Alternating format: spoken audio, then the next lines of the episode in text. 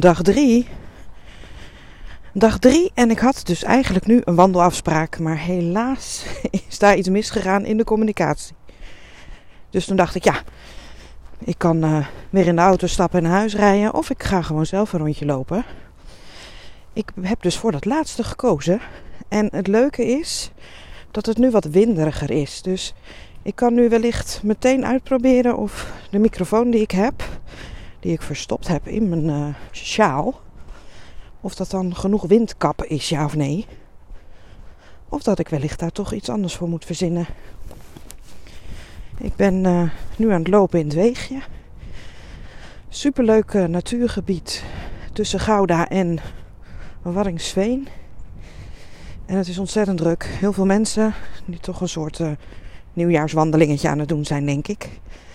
Met een hond aan de wandel. Nou, ik uh, had me dus uh, verheugd op een, uh, op een fijn gesprek. Waarin ik wellicht al wat nieuwe handvatten zou krijgen. Adviezen en tips. Maar nou ja, helaas, die vliegen gaat vandaag niet op. Wordt zeker vervolgd. Dus um, ik denk dat ik gewoon nu maar even hardop met jullie mijn gedachten deel.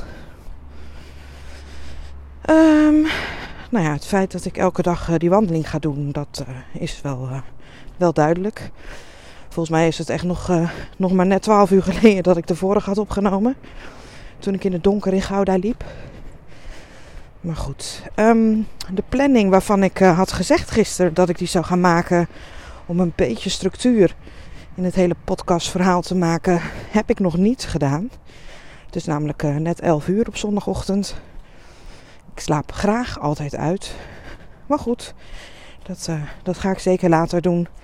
Ik had verteld dat ik in ieder geval uh, alle onderwerpen wat betreft stemcoaching en logopedie wilde gaan behandelen. Een beetje overzichtelijk, zodat het ook goed terug te vinden is in de podcastlijst. Mensen reageren nog steeds leuk. Ik heb natuurlijk de allereerste echt via social media gedeeld. En mensen vragen ook, joh, waar kan ik dat dan luisteren? En uh, ik ben heel benieuwd hoe dat uh, gaat werken. Nou ja, misschien is het wel leuk om, nu we toch merken hè, dat ik uh, nog steeds niet een ontzettende conditie heb opgebouwd. Dat lukt natuurlijk niet in drie dagen. Om het dus te hebben over stem en, en je ademhaling. Want ik denk dat iedereen wel weet dat je stembanden in je luchtpijp zitten, in je strottenhoofd.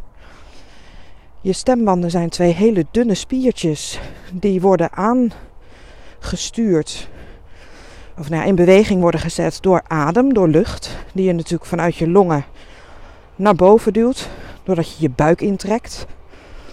En op het moment dat je je buik intrekt, dan gaat je middenrif omhoog. En je middenrif duwt als het ware je longen weer leeg. En daar komt die ademstroom vandaan. Nou ja, en waarom ik dus nu wat buiten adem ben, is omdat ik een activiteit aan het doen ben. Iets fysieks. Ja, en dan, uh, zeker als je geen conditie hebt, dan is je adem sneller op. Je hart pompt namelijk harder. Want die moet uh, je lijf van zuurstof uh, voorzien. En als je dat. Uh, als je lijf dat dus niet gewend is, dan moet dat dus heel hard werken. En zit je adem redelijk snel vrij hoog. Goedemorgen.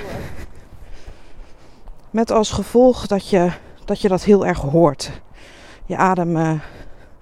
je adem, je hulpademhalingsspieren, zeg maar, die zitten hoog in je lijf. En die zorgen er nu dus voor dat toch mijn hart voldoende zuurstof gaat krijgen. Om al mijn cellen in mijn lijf te voorzien van zuurstof. Zodat ze goed kunnen functioneren. Dus op het moment dat mijn conditie wat beter is, dan ben ik dus ook in staat om te praten tijdens het lopen. Ik heb bijvoorbeeld een tijdje hard gelopen. En um, toen kon ik zelfs tijdens het hardlopen, op het moment dat mijn conditie echt op peil was, kun je gewoon al hardlopend praten. En dan klinkt het ongeveer hetzelfde als dit. Dus uh, ik heb nog wat te doen. Maar dat is dus wat adem doet. Het zet je stembanden in beweging. En um, hoe ik het heel vaak vergelijk, of uh, om het ook een beetje als een metafoor te doen, goedemorgen, is dat ik uh, de stembanden vergelijk met een vlag. Want op het moment dat jij een vlag uithangt, wil je natuurlijk dat die heel mooi aan het wapperen is in de wind. Maar ja, als er geen wind staat, dan hangt hij maar een beetje ja, te bungelen, zeg maar. Op het moment dat je een mooie windkracht hebt van, uh, nou weet ik veel, uh, laten we zeggen drie of vier, misschien vijf. Nou, dan, dan komt de vlag het beste tot zijn recht. Dan gaat hij heel mooi in de wind wapperen. En dan kun je hem helemaal zien. Alles wat erop staat is te lezen. En dat is prachtig. Dat is dus ook met je adem langs je stembanden. Maar je kan ook te veel lucht er langs jagen. Wat er dan gebeurt, ga dan maar eens op het strand kijken, bij een strandpaviljoen bijvoorbeeld. Dan komen er rafels aan. De vlag gaat gewoon echt stuk. Staat natuurlijk wel prachtig mooi op tilt, maar ja, je, ja hij gaat wel stuk. dus ook als jij veel te veel lucht altijd maar langs je stembanden jaagt, dan staan ook zeg maar je stembanden op tilt. Ja, met als gevolg dat je ze beschadigt. Het klinkt ook minder mooi, het klinkt wat hezig, want je hebt heel veel lucht die er langs gaat. En in plaats van dat ze heel mooi trillen, kan het ook best zijn dat ze soms elkaar niet eens meer raken. want de trilling die er ontstaat, uh, de stembanden raken elkaar dan en dat maakt het geluid. Maar ja, als jij heel veel lucht er langs gaat persen, ja, dan, dan wordt die trilling verstoord. Dus nou, ik vind het fijn dat ik toch um, wat heb, heb kunnen improviseren. toch iets heb kunnen vertellen. En ik hoop dat je er wat aan hebt gehad. Dat je wat van hebt geleerd. Ik uh, ga mijn rondje verder afmaken.